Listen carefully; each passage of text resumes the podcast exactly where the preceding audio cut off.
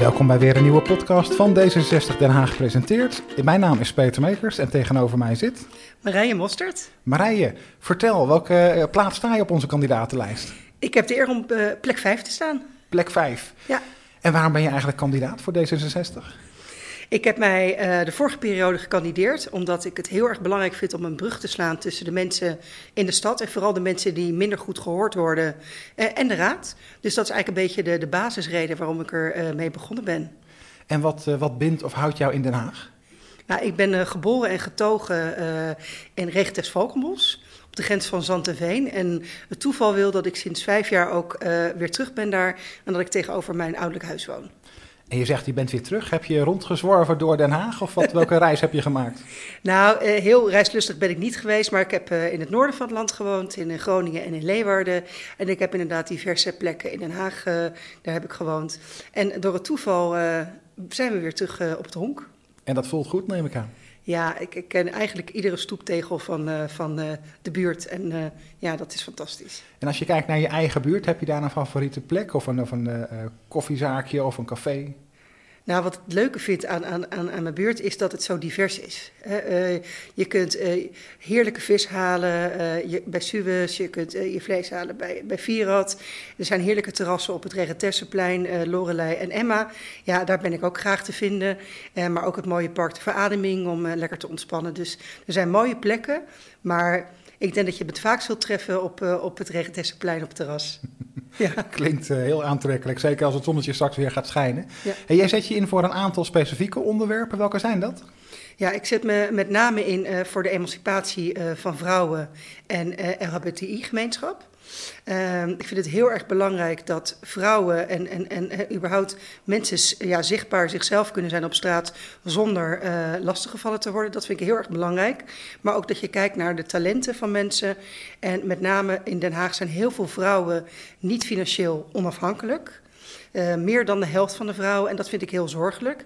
En ik uh, vecht ervoor dat vrouwen meer gaan werken en daardoor ook financieel zelfstandig zijn. Dat als er wat gebeurt, partner die ziek wordt of overlijdt of een scheiding, uh, dat je zelf je broek kunt ophouden. Want als je dat kan, dan heb je echt de keuzevrijheid. En als je nou kijkt hè, wat, wat de gemeente daaraan kan doen, stel uh, je zit straks weer in de raad, wat zou je dan als eerste willen aanpakken op dit vlak? Nou, ik heb toevallig net een, een actieplan gemaakt om eigenlijk de, ja, de vooroordelen die we hebben, de, de, rolpatronen waarin we denken over traditionele man-vrouw relaties, om die aan te pakken en vrouwen te uh, faciliteren om meer te werken, bijvoorbeeld door uh, gratis kinderopvang uh, als iemand met verlof gaat tijdens de eerste zwangerschap, maar ook om mannen makkelijker verlof te laten kunnen opnemen. En als je bijvoorbeeld kijkt naar regenbooggezinnen, die zijn daarin een, eigenlijk een heel goed voorbeeld. Daar is de zorg veel beter verdeeld, veel gelijkwaardiger verdeeld en het werken ook veel beter verdeeld. En dat vind ik heel belangrijk. Nou, dat lijkt me ontzettend goede onderwerpen om je voor, uh, voor in te zetten. Ik zie dat je ook uh, bezig bent met, met je, je eigen wijken, Weimarstraat en Reva. Wat is, daar, uh, wat is daar los? Wat kan de gemeente daar verbeteren? Nou, laten we vooropstellen dat het een hele fijne buurt is. Waar mensen heel graag willen wonen. Maar er zijn echt een aantal grote uitdagingen. Waaronder de leegstand die er is in de buurt. Hè. Er zijn uh, op dit moment 43 panden langdurig leeg. En dan heb ik het over langer dan 11 jaar. Er is een overconcentratie aan coffeeshops.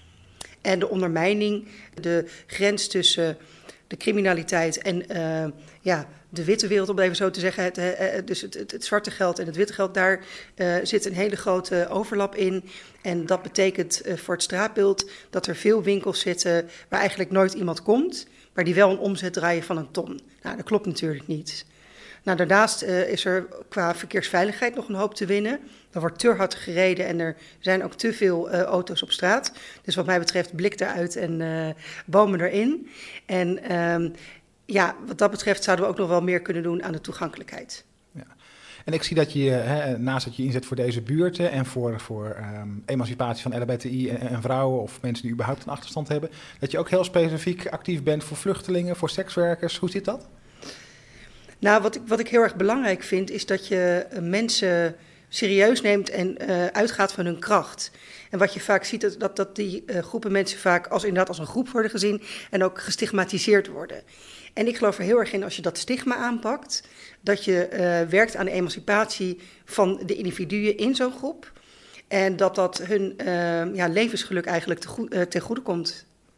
En als je dan kijkt naar de gemeente Den Haag als organisatie, er zijn uh, duizenden ambtenaren in dienst. Geeft de gemeente eigenlijk zelf al het goede, goede voorbeeld als je kijkt naar emancipatie van, van groepen of van, van, individuen die tot een groep behoren? Ja, nou, de, de, gemeente heeft mooie stappen gezet als het gaat over inclusief werkgeverschap. En als je kijkt naar um, ja, de groepen mensen die ze hier een kans willen geven binnen het stadhuis, daar valt nog wel een, een, een slag te slaan. Maar er is een mooie insteek. Uh, er is ook veel gevraagd vanuit de Raad om daar meer aandacht aan te besteden. Dus uh, het gaat de goede kant op, maar het Witte Stadhuis mag nog wel wat uh, kleurrijker. Net zo gekleurd als de stad zelf, zou nou, ik zeggen. Ja, dat zou fantastisch zijn. Ja, ja. zeker. Um, ik zie dat je, je hebt een hele scala aan onderwerpen waar je mee bezighoudt. Ook zorg, welzijn en ook ondertussen de coronamaatregelen. Um, is daar iets uh, wat je daar nog over kwijt wil? Uh, dat je denkt van, goh, daar, daar mag de komende vier jaar, als het aan onze partij ligt, echt wat, wat gaan veranderen? Nou, wat ik belangrijk vind, is als het... Die coronacrisis is ons overkomen. Die pandemie die had je niet kunnen voorspellen. Tenminste, ik niet. Maar dat we gaan kijken hoe kunnen we nou zorgen dat uh, groepen die heel erg getroffen zijn door deze uh, pandemie, en dan heb ik bijvoorbeeld over jongeren, dat die goed die crisis uitkomen. Want wat je wel ziet is dat bijvoorbeeld jongeren heel veel hebben moeten inleveren. Konden niet naar school, konden niet uit, konden niet met hun vrienden zijn. Er zijn ook veel jongeren met psychische klachten. Nou, dat we daarvoor gaan kijken van hoe kunnen we nou zorgen dat die jongeren de komende tijd uh, door zelf mee aan tafel te zitten, want dat vind ik heel belangrijk, door zelf mee te bepalen beleid vormen die zorgt dat zij niet een soort verloren corona-generatie uh, worden. Ja. Dus daar ligt wel nadruk op, wat mij betreft. Ik had dat toevallig vandaag ook met mensen over van... goh, je zou nu maar 16, 17, 18 jaar zijn... en je kan al twee jaar eigenlijk niet ja, de, de, de puberteit of de napuberteit doormaken... zoals wij die hebben doorgemaakt als wat, wat, wat ouder. Dan, ja. dan mis je wel echt uh, ervaringen die je moeilijk kan inhalen. Nou, dat, dat kan je inderdaad niet inhalen. Het is zo belangrijk voor de vorming van je als persoon om je in uh, groepen van uh, ja, peer uh, zeg maar, te begeven. En dat is eigenlijk fundamenteel voor je ontwikkeling. En je ziet dus ook nu heel veel jongeren die, die angstig zijn, die moeite hebben om weer naar school te gaan, die het lastig vinden om ja, weer hun leven op te pakken. En dat is toch een hele ingewikkelde. Ja. Ja, als ik jou zo hoor, dan gaat het bij jou allemaal eigenlijk om, om zorgen dat iedereen een kans heeft om zichzelf te ontwikkelen, zichzelf te ontplooien, uh, daarmee aan de slag te gaan. Dat is al iets wat volgens mij heel goed bij, bij D66 past. Is dat ook een van de redenen waarom je ooit voor uh, deze partij hebt gekozen? Ja, ik ben uh, lid geworden omdat ik het heel erg belangrijk vond dat op een gegeven moment was het debat zo verhard. En Pechtold die, die, die zocht daar eigenlijk in naar een, naar een andere weg die mij heel erg aansprak. Namelijk uitgaand van de kracht van mensen, maar ook de nuance. En er zijn veel meer mensen die eigenlijk heel erg genuanceerd zijn en denken die je niet hoort.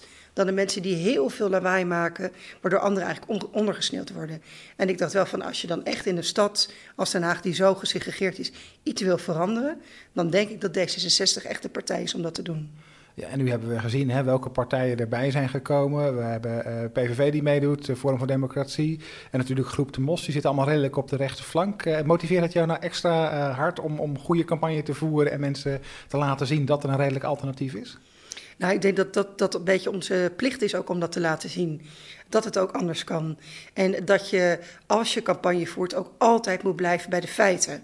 En dat je niet voor je eigen ge, uh, gewin uh, de feiten moet verdraaien om, om, om mensen te betrekken en uh, meer stemmen te halen. Blijf bij de feiten en vertel het eerlijke verhaal en zorg daarin ook dat je open blijft staan voor verschillen, maar dat je wel zorgt dat je er voor de hele stad bent en niet voor de mensen die het hardst praten. Ik zeg ook altijd van, goh, hè, alleen roepen dat het, dat het fout is of niet goed gaat, daar schiet je niet zoveel mee op. Samen constructief naar een oplossing werken, dat, uh, dat levert veel meer op. En dat uh, ja. past volgens mij heel erg goed bij, uh, bij onze karakters als, als partij ook. Ja, mooi hoe je dat zegt, ja. ja. ja. Hey, als je kijkt naar Den Haag, heb jij in Den Haag nog een, een plek die bepaalde betekenis voor je heeft? Of waar je heel graag komt om te ontspannen of waar je blij van wordt, die je met ons wil delen? Nou, sowieso wat ik al zei, het Regentesseplein. Maar wat ik ook echt een hele mooie plek vind als je... Ik wandel dan uh, zo af en toe eens richting uh, mijn zoon die, die veel sport. En dan loop ik zo door de ambassadebuurt bij het Carnegieplein. En dan loop je zo richting de Zandspeeltuin uh, over de Scheveningse weg. En dan kom je eigenlijk door een hele oude buurt. Eline Veren staat daar ook in het gras aan het water. Ja, dat vind ik echt wel een waanzinnige buurt met heel veel groen. En ja, heel mooi historisch. Daar word ik altijd wel heel vrolijk van. Klinkt als een plekje wat ik snel eens moet gaan, gaan bekijken. Um, is er nog iets wat je kwijt wil aan onze luisteraars? Nou, ik vind het sowieso heel uh, fijn dat mensen hebben geluisterd. Als ze vragen hebben, mogen ze me altijd benaderen. Dat wil ik uh, voorop stellen. Dus uh, stuur een berichtje. en ook als je denkt, goh, je hebt iets gezegd waar ik eigenlijk een beetje nou ja, vraagtekens heb. Dat hoor ik ook graag. Dus hou het contact. En je bent dan ook te vinden op social media. Waar en onder welke naam? Marije Mostert. En op Twitter, Instagram, Facebook? Ja, allemaal Twitter, Instagram, uh, LinkedIn, Facebook. Marije Mostert. Marije Mostert, ja. Dankjewel voor het gesprek en ontzettend veel succes in de campagne. Ja, ook dankjewel Peter.